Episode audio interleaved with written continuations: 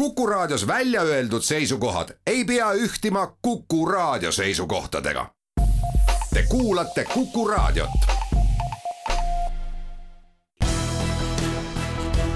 olukorrast ajakirjanduses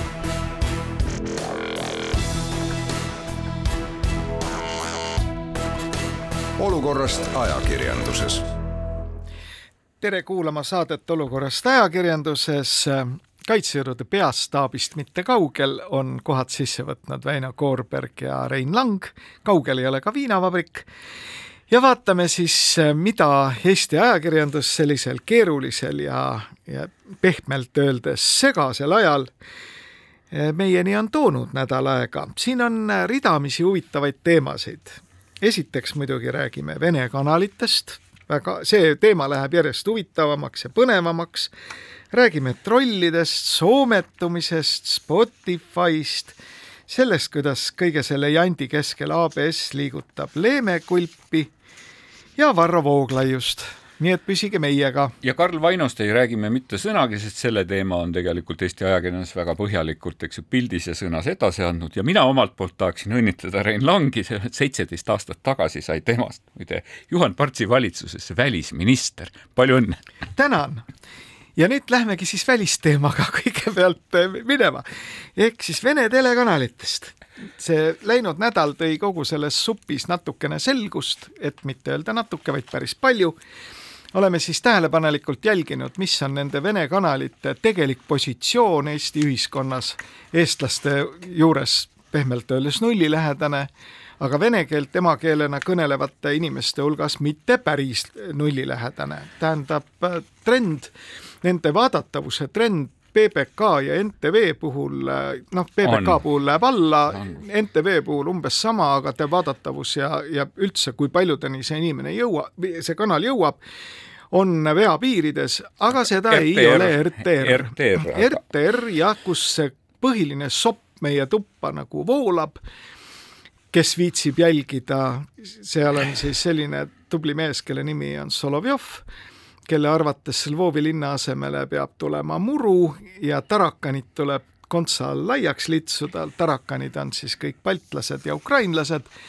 Ja see tuleb praktiliselt iga päev siis sealt ekraanilt tasuta, ehk siis mille kohta mina tavatsen alati öelda, et meie oma viinaga tullakse meile kosja. no jaa, Rein, ma, mina peaksin, ma olen nagu mitu saadet valmistunud seda, et ma peaksin võtma selle, selle positsiooni, et sinule alati vastu vaielda nende Vene telekanalite teemal ja minu meelest ühtepidi seda kolli on, et ma saan aru, need kanalid on eba, ebameeldivad ja sisu on jäle, selles mõttes meil nagu ütleme, vaidlust ei teki.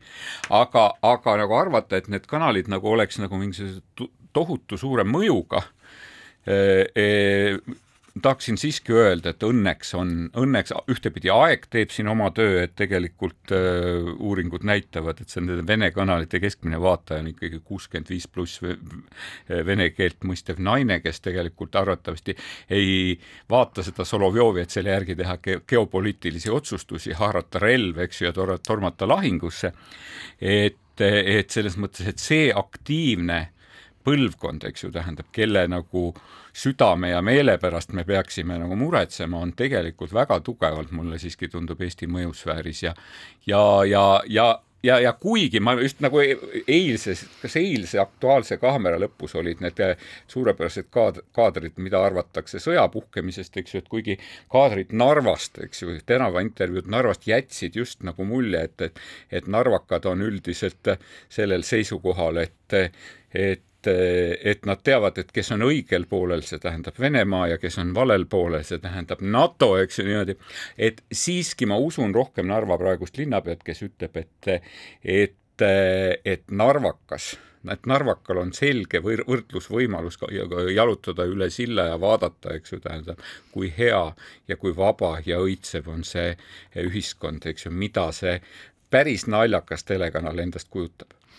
oh, küll ma tahaks, et sul oleks õigus. ma ise ka tahaksin aga, aga natukene on selles mõttekäigus sul muidugi soovmõtlemist, et ega nüüd venelased ei teeks seda värki, kui sellel värgil ei oleks mitte mingisugust mõju. no sellel mõjul Kas..., selle, sellel vaat sealt tulebki nagu eristada, et on mingisugune mõju, eks ju, tähendab äh, Rein Lang ja Raul Rebane vaatavad seda ühe pilguga, arvatavasti strateegilise kommunikatsiooni spetsialistid vaatavad seda teise pilguga ja isegi ma arvan, et ka need kuuskümmend viis pluss eluaastane vene keelt kõnelev naine vaatab seda päris erine-, mitmel erineval moel. eks ju, päris mitmel erineval eesmärgil. vaata, Väino, tegelikult on nii, et me ei tea paljutki me teame peensusteni seda, milline on nende kanalite vaadatavus, kui paljude inimesteni see jõuab, kuni praktiliselt kümne inimese täpsusega. Need mõõtmistehnoloogiad on olemas, meediafirmad neid analüüsivad, sellega on nagu kõik tipp-topp. mida me tegelikult ei tea, on see, et vot see viis protsenti vaatamisele kulutatud ajast, mis on selle RTR-i äh, osakaal televaatamisele kulutatud ajast tervikuna, kui palju sellel on tegelikult mõju nende vaatajate väärtushinnangutele ja mitte ainult väärtushinnangutele, vaid ka võimalikele käitumistele. ja Andres Jõesaar eelmises saates ütles, et selle, seda võib uurida, nad on valmis Tallinna Ülikooliga selle uuringu tegema. ma arvan, et isegi, et mõned, et, et mõned, mõned uuringud, mõned uuringud ikkagi on ikkagi ka olemas, eks ju, ja võib-olla lihtsalt, et nad liiguvad palju kitsamas ringis, eks ju, just selle väärtushinnangute ja hoiakute küsimuses, ma arvan, et et kui sa lähemalt Riigikantseleist uurid, et võib-olla neil mingisugune informatsioon selle kohta ikkagi on olemas. no seni on nad siis sellisel juhul seda väga oskuslikult varjanud, mina ei näe küll ühtegi põhjust, mispärast sellised uuringud võiksid olla varjatud ja, ja või salajast templit kandma. aga igal juhul mina seda ei tea minu tutvusringkond, kes kõige selle jandiga on tegelenud, täpselt samamoodi ei tea. empiiriliselt jah, me võime otsustada, et vast-, kuulates neid vastuseid, mida siin meediaväljaanded on inimestele tänaval esitanud, võime me oletada, et Solovjovi mõju Eesti venekeelsele elanikkonnale on nullilähedane. kas tegelikult on ei tea. aga mis muudab selle kogu selle värgi nagu pikantseks, on see, et kui nüüd jälgida, kuidas see RTR ja, ja tema siis need satelliitkanalid, ma ei räägi nüüd sellest PBK-st, mis on surev nähtus või NTV-st, aga kuidas see RTR-i vähkkasvaja on tegelikult siis nagu oma kombitsaid sirutanud nendesse ühiskondadesse. ja see on muljetavaldav. see tegevus algas kuskil kaks tuhat neliteist peale Krimmi vallutamist ja seda siis viidi ellu sellise taktikaga, et kõigepealt äh, registreeriti need äh, kanalid ja neile võeti litsents mõnes Euroopa Liidu riigis. RTR, mis siis äh, sisaldab endas seda lõbusat sõimu iga päev ja üleskutset muuta Lvov muruplatsiks, on Rootsi kuningriigi poolt ametlikult litsenseeritud meediakanal dokumendi peal on kirjas üldhariduslik televisioonijaam. ilusti pitsat ja allkiri ja Rootsi kunnitempel, kõik on tipp-topp. järelikult allub kogu see tegevus Euroopa Liidu meediateenuste direktiivile, mis nõuab täielikku sõnavabadust selle kaitseks väljaastumine on võimalik, kuid see nõuab tohutuid protseduurireegleid, konsulteerimist Euroopa Komisjoniga bla, bla, blablabla. mulle teistpidi jälle tundub, et seesama Euroopa pikk. Liidu meediateenuste direktiiv tegelikult äh, viha õhutamise, eks ju, diskrimineerimise, rõhutamise ja vihakõne ja kõige sellise suhtes on võtnud ikkagi suhteliselt negatiivse hoiaku. täpselt nii, aga see aru. protseduur on väga keeruline, ühesõnaga selle Solovjovi möla pimedaks tegemine on tehtud väga-väga keeruliseks. ja teine asi, mis nad on siis oskuslikult teinud, kõik need lepingud Eesti teleoperaatoritega on sõlmitud ülikavalalt, nad on erinevate tähtaegadega. ehk siis, kui üks nendest teleoperaatoritest võtabki kätte ja näiteks ei pikenda seda lepingut või tahab seda tühistada, siis ta riskib A leppetrahvidega, B sinna satelliidina juurde poogitud populaarsete, kuid mitte sõda õhutavate kanalitega, kanalite kadumisega, mis viib ära nende kliendid ja võimalikult nende konkurendi juurde. ja me räägime ikkagi mitte väikestest summadest, vaid need summad, mida tegelikult üks teleoperaator võib kaotada juhul, kui ta selle pimedaks tõmbab, on ikkagi kuuekohalised no. järelikult jaa, see puhul, ei ole Eesti nii lihtne. puhul on ju räägitud summast kolm miljonit eurot, mis, mis tegelikult läheb nende Vene telekanalite operaatoritele iga aasta ka, kaabeloperaatori puhul. aga noh, küsimus vaata, see on väga mitmekesine ühtepidi, et kas need, kas need, kas Solovjov, eks ju, kas me muutume Solovjovi pimedaks pärast seda, kui kui need kanalid klõpsti kinni pannakse või siis see tähendab seda, et Solovjovi fännid lähevad põranda alla ja tegelikult leiavad üles, leiavad üles need, need nupud, millega Solovjovi saab vaadata ka sõltumata nendest kaabellevi operaatoritest, mis tähendab seda, et need inimesed tegelikult väljuvad ka Eesti meediakanalite ja normaalsete meediakanalite mõjusfäärist ja jäävadki kasutama RTR-i äppi oma nutitele, oma nutitelekas, jäävad, eks ju, neid kanaleid vaatama, eks ju, arvutis, internetist, vaat see on küsimus no,. selle, selle, selle riski peale eh, tuleb samamoodi mõelda, seda riski selle loogika järgi peaks ju Mein Kampfi ära trükkima ja paneme ta Rahvaraamatu, raamatukaupluse vaateaknale välja. minu arv, minu meelest ma, ma võib-olla nüüd olen, eh, riskin sellega, et võib-olla ma järgmises saates võtan sõna, aga minu meelest ei juhtu midagi hullu, kui Mein Kampi kommenteeritud väljaanne oleks Rahvaraamatu miks kommenteeritud? ega ei, see Solovjovi möla ei tule mingite kommentaaridega. ma arvan siiski hariduslikel eesmärkidel, eks ju, tasuks meil ei, tähendab, kuidas see on, et eh, ma ei saa, ma ei saa asjasse suhtuda nii nagu, nagu viiekümnendatel aastatel Moskva metallurgiatehase tööline, kes tõusis püsti ja ütles, et, et ma ei ole küll Anna Ahmatova luulet eh, lugenud, aga ma tean, et see on väikekodanlik B-tähega sõna, eks ju. aga siinkohal mõningased kaubanduslikud teadaanded olukorrast ajakirjanduses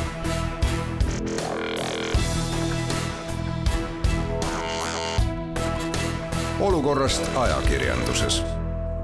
Rein Lang ja Väino Koorberg saates Olukorrast ajakirjanduses ja me siin räägime ja vaidleme Vene telekanalite teemal no,. me oleme terve reklaamipausi oleme ikkagi Mein Kampfi teemal vaielnud. ütleme ikka ausalt välja, meid ei huvita see tegevus, mida arendavad see kuulus PBK ja NTV mitte üks gramm. saatku seda oma programmi kosmosest, internetist või läbi Eesti telkode pangu aga takka, ei ole probleemi, vähemalt minu arvates mitte, on kindlasti ka neid, kes arvavad, et ka seal on väga problemaatilisi saateid. Just nimelt viha õhutamise ja vaenu õhutamise seisukohast. No.. minu jaoks on probleem see RTR sellepärast, et seal täiesti varjamatult õhutatakse sõjapropagandat, õhutatakse agressiooni, õhutatakse sõda ja need teod on rahvusvaheliste konventsioonide alusel keelatud. ja praegu ja, on nagu selles mõttes on mul väga huvitav, et seesama, me rääkisime sellest meediateenuste direktiivist, eks ju, on ta siis nüüd Eestis nagu vastuvõtmisel või, või, või seadusesse integreerimisel, eks ju, aga noh, et kusagil mujal riikides võiks see nagu olla, aga ma ei ole väga täpselt nagu tajunud seda, et, et see kuidagi võiks kas laieneda või, või, või hõlmata ka nende vene, vene telekanalite mingisugust käitumist, sisu ja kõike muud. no lätlased tegid ühe sammu ära, lätlased tegelikult tegid elu põrguks sellel PBK-l sellega, et nad äh, teatasid, et see äh, äriühing, mis oli siis äh, selle litsenseeritud, Lätis litsenseeritud telekanali eetrisse andja, et see on sanktsioonide all õigemini kasusaajad on sanktsioonide all, kõik, kogu lugu, eks ole, saab hakata ahistama. selle käiguga võeti see Lätis meedialevist lihtsalt maha. nüüd Eestis see debatt on ju sama, samalaadne. minu jaoks ei ole erilist vahet, kas Rootsi pangad pesevad äh, kuritegelikku raha läbi Baltikumi ja sellega aitavad mingil moel kaasa Venemaa maailmavallutuslikele plaanidele või aitavad nad kaasa sellega, et nad siis haridusliku telekanali sildi all lasevad toimetada mingisugusel kodanikul, kes lihtsalt õhutab sõda. ja antud juhul mina eeldan, et Rootsi kunn võiks midagi antud küsimuses ette võtta. see on tema poolt välja antud litsents tema valitsus on seda teinud, järelikult lasub tal ka mingi elementaarne kohustus täita meediateenuste direktiivi, tegemist on Euroopa Liidu liikmesriigiga. oma alluvatele kuuluvale Teliale, eks ju, tähendab käsu ja ma arvan ka, et antud juhul eelkõige peaksid ikkagi need riigid, kes omal ajal kogemata, ma arvan, et kogemata, keegi ju tegelikult sel hetkel, kui neid litsenseeriti, ei näinud ette sellist situatsiooni. aga täna peaksid nad võtma jalad kõhu alt välja ja ütlema, et nii nagu me loeme taunitavaks ja kriminaalkorras karistatavaks isegi holokausti eitamise Euroopa Liidus, nii me peaksime tõkestama otseselt sellise teksti, millega üks mees Moskvast ütleb, et Lvovi asemele tuleb muru ja ukrainlased on tarakanid, kes tuleb kontsa all siledaks lüüa. Rein, ja no vot siin meil on jälle see asi, et, et kas meie ravi ühel hetkel jääb, ei muutu nagu haigusest ohtlikumaks, et, et nagu seda seal viimatisel meediavabaduse konverentsil ütles ÜRO inimõiguste raportöör minu meelest, mis rääkides sellest ajakirjandusele seatud piirangutest, et, et küsimus nagu ongi selles, et okei okay,, me võtame need kanalid välja eh, seal nendest telekomi pakettidest ja siis saabub maa peale rahu, aga vabandust, Solovjov räägib Lvovist, Murust ja Tarakanidest edasi ja ta räägib tühja sellest, et ta räägib sellele kuuekümne viie pluss vene keelt kõnelevale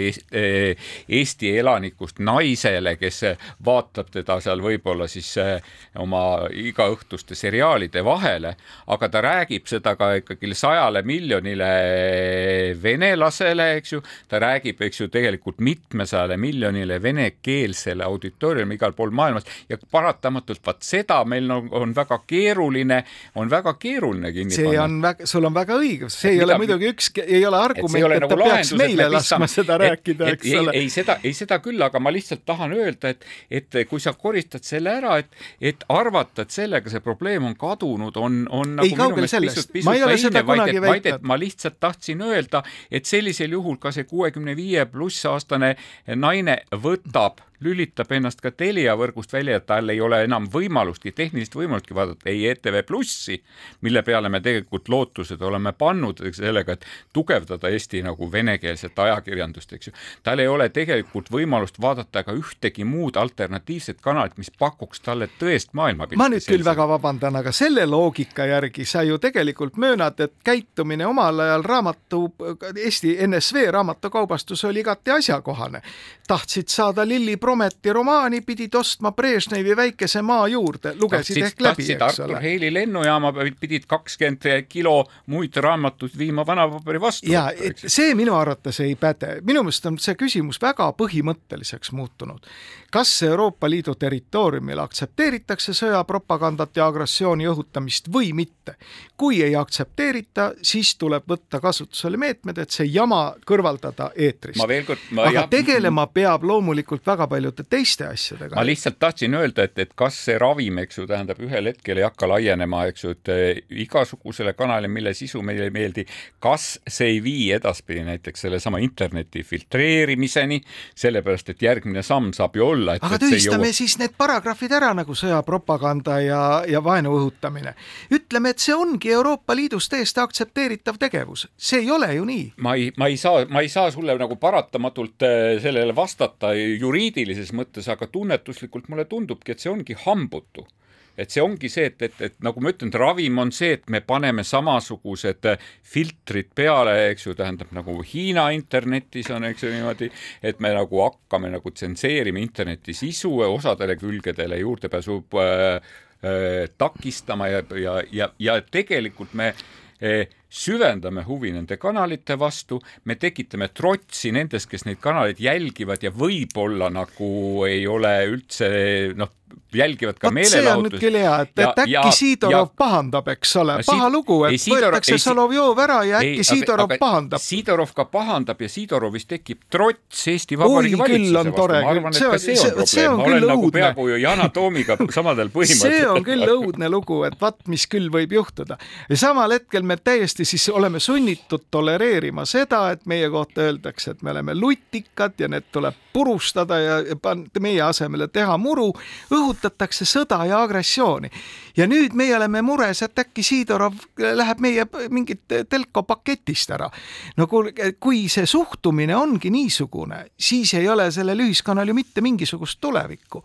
kui on vastu võetud mingisugusedki reeglid, mis põhinevad mingitel väärtushinnangutel, siis tuleb neid kaitsta ühel hetkel kui me nõuame seda, et terve lääs oleks üksmeelselt äh, valmis astuma vastu Venemaale tema agressiivses poliitikas ja samal hetkel ütleme nii, et oi ei, et me siin ikkagi vaatame, et seda möla võib ajada nii palju, kui vähegi kulub ja me mitte midagi selles küsimuses ette ei võta, siis see on täiesti topeltstandarditega lähenemine. tahaksin öelda sulle halleluuja, aga jah, tõepoolest läänes on, läänes on nagu ka nagu muud põhimõtted ja paratamatult, eks ju, võib juhtuda, et nende põhimõtted on nagu tõesti sõnavabadus ja väljendusvabadus, eks ju, mingisugune, need mit, võivad saada kahjustada. mitte üheski riigis, mis kuulub sellesse lääne kultuuriruumi, ei ole lubatud sõjapropaganda ja agressiooni õhutamine. no ma ei, ma, ma ei ole viimasel ajal, ma ei ole alla kirjutanud vastavatele rahvusvahelistele konventsioonidele. ma ei ole viimasel ajal väga tugevalt monitoorinud need sedasama vene tele,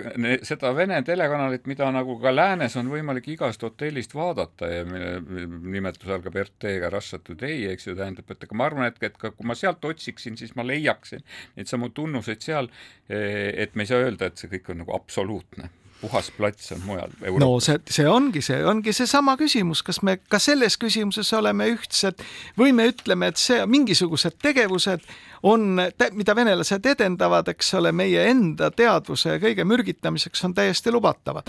me suhtume väga rahulikult kõikidesse trollidesse, kuni täna hommikuni ma vaatasin, see oli küll tõeliselt üllatav, kui ma leidsin täna Delfi lehekülje pealt Delfi peatoimetaja teadaande ja seda ma peaks kohe nagu ette lugema, aga ma nüüd ei leia vastavat paberit. no sa võid seda refereerida, see tähendas seda, et tegelikult Delfi peatoimetaja ütles, et provokaator, provokaatoritele enam sõna ei anta. täna et... öösel kell null null null üks, tänase kuupäeva seisuga on siis äh, Urmo Soonvald andnud oma lugejatele teade järgmist survet alandada ja mõnitada nii Eesti kui ka Ukraina rahvast, kaitsetahet ja iseseisvust oli kasvanud suuremaks, kui meie võime seitse päeva nädalas ööpäev ringi selle väärikuse eest hea seista.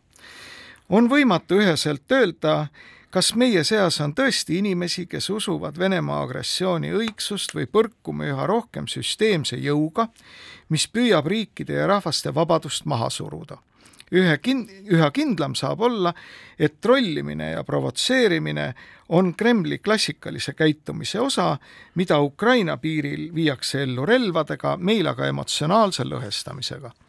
Ukraina vabadus ja enesemääramisõigus on ühemõtteline, Eesti ja Ukraina ja paljud teised riigid ei kavatse alluda provokatsioonidele, ka mitte kommentaariumis. ja sellega siis suleti Ukraina ja Vene teemaliste äh, lugude kommenteerimise võimalus Delfis no see on positiivne samm minu arvates. ühtepidi on positiivne samm, teisipidi jälle, kui ma ütlen, et kas see on nüüd topeltstandardite või silmakirjalikkuse küsimus, on see, et, et miks meil on see, et, et kommenteerida ei saa tavaliselt, eks ju, niimoodi eh, suure, suure meediafirma nagu juhi või omaniku nagu arvamuslugusid. tavaliselt ei saa kommenteerida neid lugusid, mis räägivad ajakirjanikest endast või ajakirjanike, ajakirjandusorganisatsioonidest ja siis on veel mõned üksikud teemad, mida ei saa kommenteerida, tavaliselt vaktsineerimise teema, mis ajab tavaliselt kõiki kommentaariumite moderaatorid hulluks, nüüd siis Ukraina sõja teema hulluks, et äkki me peaksime siin ka põhimõtteliselt selle komme, Vene... komme, kommenteerimise teema siis nagu kuidagi põhimõtteliselt ära lahendama. ja Vene, kujuta ette nüüd, Vene trollide õigused on ka riivatud. trollivabriku õigused on riivatud, aga siinkohal mõningad kaubanduslikud teadaanded. olukorrast ajakirjanduses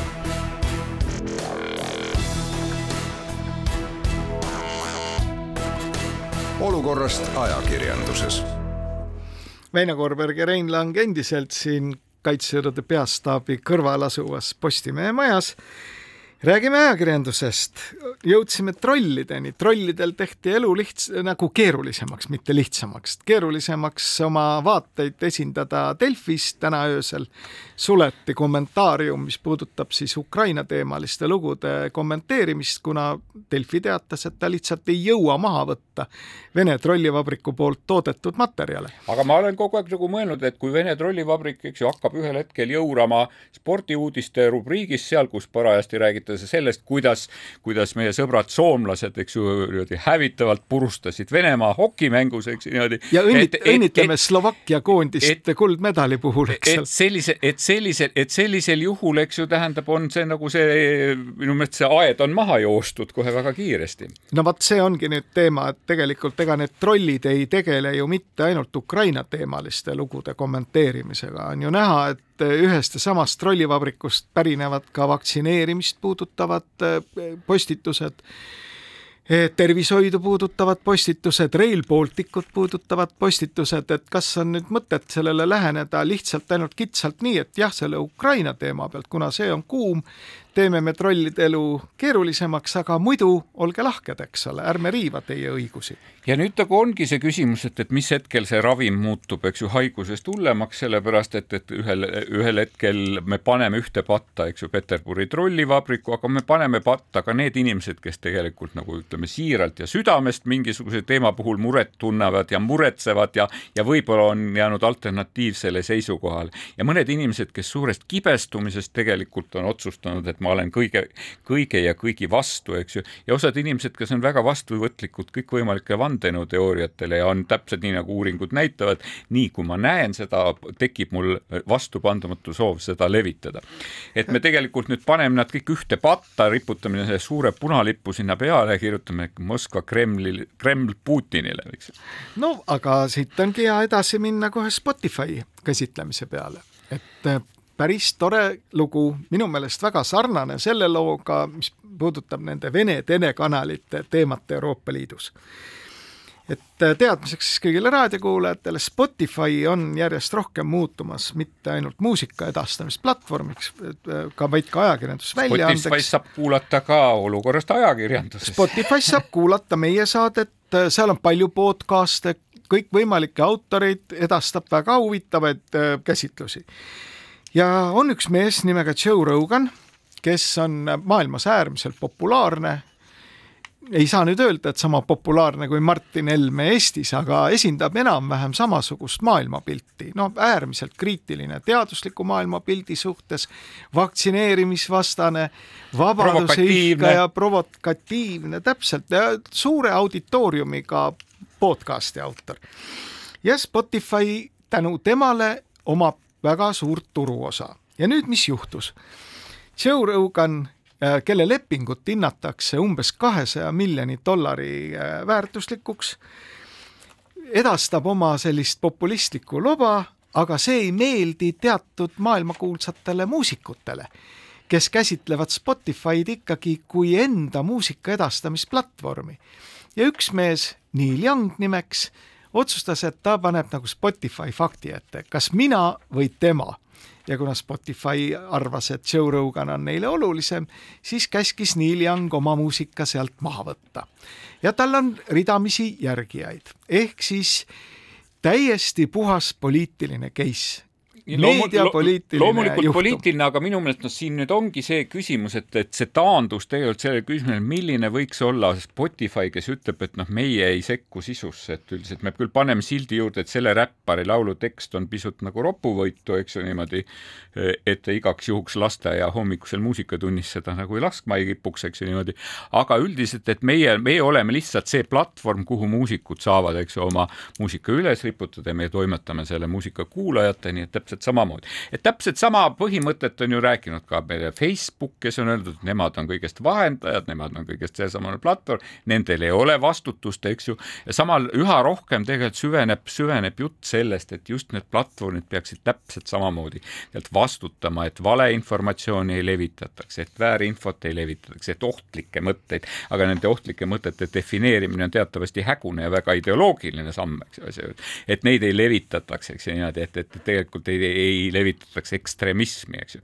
aga ekstremismi võime näiteks Venemaa mõistes defineerida sootuks millekski muuks, kipud, kipud arvutimängus, eks ju, kohaliku FSB hoone õhku laskma selgu, et harjutasid terrorismi, terroristlikeks operatsioonideks, eks ju. no siinkohal on võib-olla äkki paslik siis paar fakti veel edastada siin raadiokuulajatele, näiteks kui te õhtul avate oma Telerist Foxi telekanalit, mida on kaks tükki, vähemalt Telia paketis, siis teadke, et need, sealne materjal, see sisu on kohandatud Vene seadustele vastavaks. ei paljast ihu, ei terrorismi, nii nagu Vene meediaseadust ette näeb, täpselt. sellepärast, et meie territooriumit käsitletakse sama õigusliku jurisdiktsiooni all nagu äh, Venemaad nii et vaadake palun Foxi saateid, see on Äkki... täpselt sama, mis venelased näevad oma Õin, kas sulle ei tundu, et me oleme siis täiesti, me peaksime praegu pattu kahetsema, sest me oleme viimased kakskümmend minutit rääkinud millest Euroopa meediateenuste direktiivist, eks ju, tähendab Euroopa ühistest väärtustest, mida tuleks nagu laiendada, eks ju, meediasisule. ja nüüd selgub kas..., et me oleme tegelikult ju noh, hoopis teises mõjusfääris. me oleme kogu aeg ametlikus poliitikas rääkinud, et me ei soovi, et meist räägitakse üle meie pea kui me, meie telkod edastavad Foxi, mis on kohandatud Vene õigusruumile, siis minu arvates on see probleem. nii nagu on ka probleem see, et HBO, maailma kõige suurem äh, portaal, mis edastab sarju, filme, dokumentaalfilme, kelle levitajaks on seesama Rootsi kuninglik Telia Eestis, on äpina, palun, sisu on olemas, proovige sealt vaadata HBO poolt levitatavat dokumentaalfilmi Tere tulemast Tšetšeeniasse, Welcome to Tšetšnia. see ei ole ette nähtud Eesti televaatajatele. miks? sellele küsimusele jääb Telia alati vastuse võlgu. milles on see probleem? aga kas äkki ei ole mitte koht, see on see koht soometumiseks, millest täna hiilgavalt kirjutab Sofi Oksanen Postimehes. see oli tõesti, see oli väga me vabatahtlikult tegelikult ühel hetkel vaatame, et oi jumal, vaata, näed, venelased kolistavad siin tankidega, äkki tulevad kallale. üritame neile kuidagimoodi meeldida. edastame nende sõja õhutamist, vaatame nendele kohandatud Foxi ärme mürgita eestlaste ajusid mingite dokumentaalfilmidega, mis venelastele ei meeldi. muide, Vene vahendusfirmad on ka ostnud ridamisi Ameerika Hollywoodi toodangu näitamisõigust Eesti territooriumil ja mitte kõike ei ole siin näidatud, mida nemad on ostnud. järelikult meie territooriumiga tehakse kaupa no aga, no aga küsimus nagu ongi siis praegu, et, et kelle ülesanne see on, kas sa jätad jälle selle nagu kogu selle hoolitsuse, jätad siis tegelikult nende telekanalite sisseostjate õlgadele, eks ju, või see on ikkagi nagu riiklikul tasemel küsimus, mida kuidagi peaks riiklikult reguleerima. ma ikkagi mäletan, et oli aeg, et kui meil olid DVD-d ja, ja kui, kui Eestit taheti nagu klassifitseerida koos Kasahstaniga sinna kuuendasse regiooni, eks ju, tähendab koos ülejäänud, ülejäänud need endiste Nõukogude Liidu just nagu liiduvabariikidega, et siis oli, järgnes väga terav protest, et olla ühel, ühel lainel nagu isegi nende geograafiliste piirangute osas, olla ühel lainel Euroopaga. minu meelest oli see kas see nii Andrus Ansip kui Toomas Hendrik Ilves on tegelikult väga teravalt ühel hetkel kritiseerinud äpp, Apple'i seda regionaalset poliitikat, eks ju, et, et see ei ole see koht, et kus üks seesama väike, ütleme, Telia Tallinna kontor saaks nagu seista selle koha peal või, või see on, kas see on see koht, et see on, kas see on see teema, kas see on see teema, mida Eesti peaks Euroopa Liidus väga selgelt teravamalt ajama ja edukam olema selles, kui, kui meie omaaegne eh, digivolinik Andrus Ansip oli sellel teemal? oi, päris kindlasti peaks ega siis olukord on ju pehmelt öeldes kummaline, eks ole. et äh, mingisugune imelik vahendaja teeb mingi tehingu suure Ameerika levikorporatsiooniga, ostab ära Eesti õigused ilma selleta, et Eesti firmad saaksid nendele üldse pretendeerida. ja siis näiteks kas paneb mingisuguse filmi riiulisse, võtame selle näite, selle Welcome to Tšetšnia, ma väga tahaksin seda näha, miks ma seda ei näe siin on ka teisi samasuguseid, poolakate puhul muide on neid näiteid korduvalt rohkem, kordades rohkem.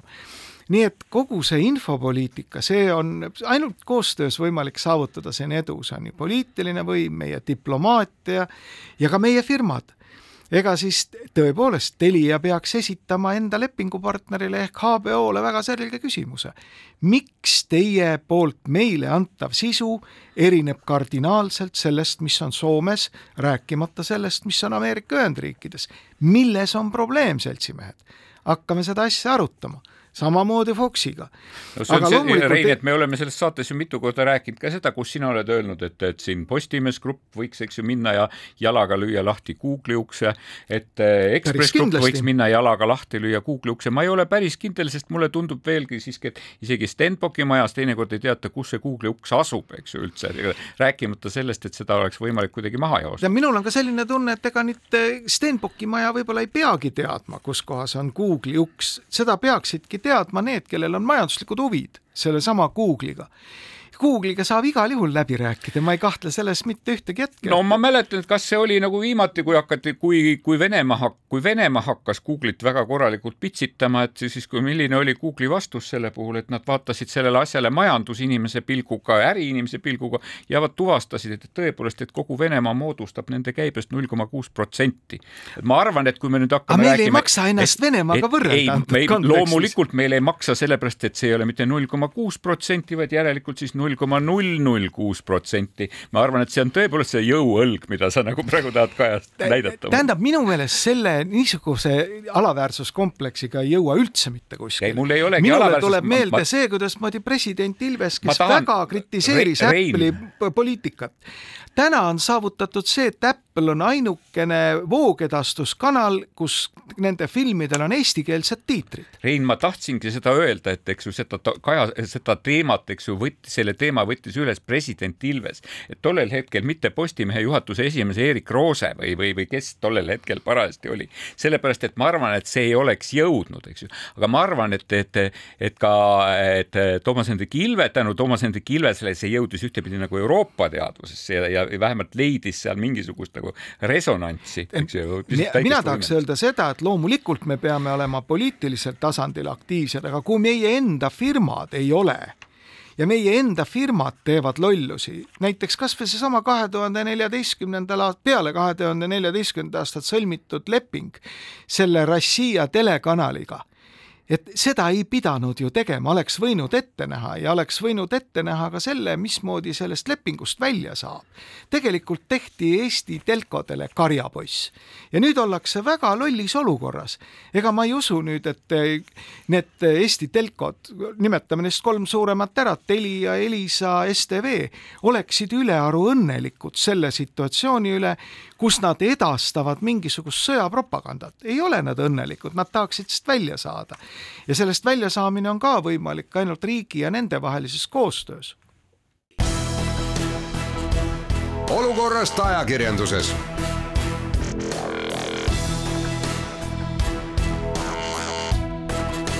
olukorrast ajakirjanduses Väino Koorberg ja Rein Lang rääkimas ajakirjandusest. kirglikult meil on jäänud veel kaks teemat, üks on siis, kuidas ajakirjandus äh, kajastas minu meelest väga hästi seda, kuidas ABS ehk administratiivbürokraatlik süsteem liigutab leemekulpi, nimelt Terviseamet ei ole andnud luba Rail Balticu Ülemiste terminali ehitamiseks seoses sellega, et sellega kaasneb müra et ta oleks võinud muidugi loomulikult äh, seda luba mitte anda, sellepärast et hirmus, et äh, lageda tae-, mitte lageda taeva aga siiski värskes õhus perrooni peal äh, moodsas terminalis rongi ootavad kodanikud saavad külmetuse. see oleks olnud minu meelest palju nagu loogilisem selles osas. ABS töötab hiilgavalt, nii et ajakirjandus, jõudu nende leemekulbi liigutamise kajastamisel. ja nüüd räägime Varrost ma, meie saate, saate eel me just nagu mõtlesime, et kes, kes nagu peaks nagu võtma millise positsiooni, et me peame tavaliselt asuma erinevatel positsioonidel, aga, aga me saateks valmistades leidsime, et me olime nagu suhteliselt ühesugusel arvamusel oh, vaene Varro. Varro eksis, kasutades kõikvõimalikke kujundeid ja pani mõlemad jalad korraga ämbrisse ja sai nii karistada, et kohe lust oli vaadata. lust oli vaadata, aga kuna meil on ajakirjandussaade, siis mis mind häiris selle asja juures, mis mind tegelikult häiris, et ma saan aru, et kui keegi nagu jätab oma selja lohakile, eh, jätab laiad õlad kõigile nähtavale, siis tekib tüüpilisel poliitikul soov sinna pussnuge nagu loopida, nii klassikaliselt. aga ajakirjandus peaks täitu-, käituma pisut teistsuguste põhimõtete järgi ja minule tegelikult ei meeldinud see, kuidas ajakirjandus selle, selle uudise nagu konteksti asetas et, et no ma ütlen, et kui poliitikud, loomulikult poliitik võtab oma poliitilise vastase mingisugused sõnad, väänab seda, leiab sealt, nagu ma ütlesin, et leiab sellest, kuidas sa tavaliselt ütlesid, leiab need kolm õiget tähte, millest moodustada ebatsensuurne sõna, eks ju, tähendab tavaliselt. Ja, ja teeb näo, et ta ei saa aru, teeb näo, et ta solvub kohal, kus ei olnud kusagil põhjust solvuda, kõike, siis tegelikult ajakirjandus peaks asja vaatama kaine peaga, neutraalselt, asetama kont-, konteksti, vaatama laiemat pilti ja, ja kui ma nagu selles mõttes küsin, et mida ütles siis Varro Vooglaid eks ju, et, et kas see siis tegelikult vastas täpselt sellele, millisesse konteksti seda pani ajakirjandus, et millisesse konteksti seda pani ajakirjandus, Delfi ajakirjanik pani, et, et, et Varro Vooglaid on valmis aktsepteerima Venemaa okupatsiooni, ma ei ole päris sellega kindel. Ja, ja see ongi see koht, et kus, kus nädal tagasi, kui Postimees esitas oma aruande lugejale tegelikult, siis, siis seal oli silmatorkav lugu oli tegelikult Priit Pulleritsult, kes, kes rääkis ajakirjand-, ajakirjanikest ja sellest, et teatud propagandistid on ajakirjandusse siginenud ja see teda häirib. ja ma pean ütlema, et ma ei olnud Priiduga nagu nõus üldiselt selle üldise tooniga selle loo juures, aga ma olen temaga nõus selles mõttes, et, et ajakirjanikud, kes ei jälgi ajakirjanduse reegleid ja olulised ajakirjanduse reeglid on ikkagi seesama neutraalsus, objektiivsus, tasakaal eks ju, faktide kontrollimine ja faktidele tuginemine, et, et, et need on need põhimõtted, mis tegelikult annavad ajakirjandusele õiguse olla ajakirjandus, õiguse kõneleda kellegi nimel, õiguse nagu esitada mingeid versioone. et, et kui, kui, kui ajakirjanikud sellest nagu, nagu äh, taanduvad ja tegelikult ajavad segamini uudisžanrid ja arvamusžanrid, et siis siis see kõik ei lõpe meile hästi. et ma tahtsin väga tsiteerida selle, selle, selle mõtestamise ja tõlgendamise juures, tõesti ma tahtsin tsiteerida sõber Toomas Matsonit, kes ütles, et ühiskonna ja eriti ajakirjanduse usaldusväärsuse huvides on, kui suuta inimesi ja nähtlust, nähtusi käsitleda positsioonilt, mis oleks võimalikult vähe mõjutatud sellest, kui väga sa kedagi või midagi imetled või jälestad ei, pean olema sinuga nõus, nii kurb kui see ka ei ole aga, aga mis oli nagu tõesti no pehmelt öeldes ikkagi mage, oli see, kuidas Postimehe ajakirjanik siirdus siis Varro Vooglaiu juhitud miitingule, esitas seal paar lolli küsimust ja seejärel põgenes, kui tema pihta hakati sajatusi välja kuulutama ja peale seda siis veel Eesti politseinik ütles, et ega tema ka nagu täpselt ei tea, kuidas ta ajakirjanikku kaitsma peaks ja soovitas tal sisuliselt sealt jalga lasta no mis, mis värk see siis see oli nagu väga, see oli selles mõttes väga nagu, ma ei ütleks, et see oleks õpiku näide olnud, aga see oli tegelikult ühtepidi noh, mitu õppetundi selleks ajaks. ma arvan, et õppetund, minu esimene õppetund ja ma olen nagu selles mõttes nõus nende inimestega, kes ütlesid, et tegelikult oli olukord ohtlik, eks ju. ja olukord mulle natukene meenutas, natukene meenutas äh, Trumpi nagu kõne kodanikele enne, kui nad läksid äh, Kapitooliumi uksi sisse peksma, eks niimoodi, et et peab olema väga vastutustundlik ka meeleavaldus, et kellegi nagu, kellegi nagu ässitamise või õhutamise vastu avaliku ässitamise ja õhutamise vastu ja ja seda enam, et teha seda nagu ajakirjaniku suhtes on väga nagu minu meelest väga vastutustundetu. ja see on väga pehmelt öeldud praegu, ma kasutaksin palju tugevamaid sõnu nagu selles osas, eks ju niimoodi teisipidi ja, ja teisipidi tõepoolest, eks ju, ma tahaksin ma öel, veel kord meelde tuletada nagu ajakirjanike e, rolli nagu igasuguste demonstratsioonide, meeleavalduste kajastamisel, me oleme selles saates rääkinud, et tegelikult mind häirib, eks ju, kui tegelikult e, ükskõik mis tahes meeleavaldused, mis nagu vabariigi, vabas noh, ütleme normaalse põhiseaduse alusel tegelevas riigis on noh, täiesti tavaline nähtus, eks ju, ei tasu alati nagu mis tahes meeleavaldajat vaadata kui meeleavaldust vaadata kui politsei või siis riigivõimu ja, ja, ja meeleavaldajate vastusseis, vastasseisu, kus ühed on õiged ja teised on väärad, ei tasu tegelikult väga tõsist tähelepanu pöörata nagu üksikutele sellistele äh, nähtustele. ma tahtsin lihtsalt küsida näiteks seesama lumepalli sümbol, eks ju, nädal tagasi, et kas, et ühel nädalal nägin ma ajakirjanduses kahte lumepallistseeni, üks oli see, et kus lumepalliga visati märulipolitseinikku ja teine oli see, et kus ma nägin lumepalliga visati Eesti Vabariigi presidenti. siis ühte nendest nimetati võitluseks riikluse vastu, teist mitte paraku. aga nüüd on meie saade otsas alates tänasest saavad kõik Donald Trumpi sõbrad osta Apple Store'ist uue sotsiaalmeedia platvormi Truth Social äppi. oh issand. me märtsikuu lõpuks peaks see olema täiesti äh, töös, nii et äh, mingu siis see uudis Varrole tänase päeva kingituseks. aga me tahaksime on... tegelikult tervitada ikkagi, tervitada ikkagi kõiki, tervit... kes ootavad, kes, kes sõda ootavad, eks ju. Varrot kaasa arvatud. kas siis igat, kas igatsusega või südamevärinal.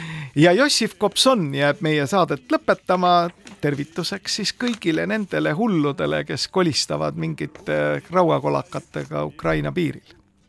Новенький кубик блестит на петлице За окном, за окном красота новолуния. Шепчутся с бугом плакучие ивы. Год сорок первый, начало июня. Все еще живы, все еще живы, все еще живы. Все, все, все Смотрит на Невском с афиши утесов. В кинотеатрах идет Волга-Волга Снова Кронштадт провожает матросов. Будет учебным поход их недолго А за кормой за кормой белой ночи раздумье Кружатся чайки над Финским заливом. Год сорок первый, начало июня, Все еще живы, все еще живы, все еще живы, все, все, все.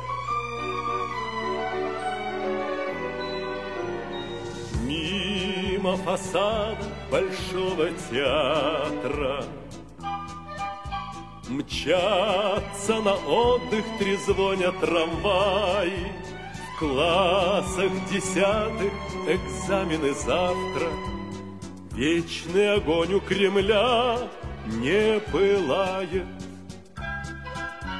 Все впереди, все пока, все пока накануне Двадцать рассветов осталось счастливых. Год сорок первый, начало июня. Все еще живы, все еще живы, все еще живы, все, все, все. olukorrast ajakirjanduses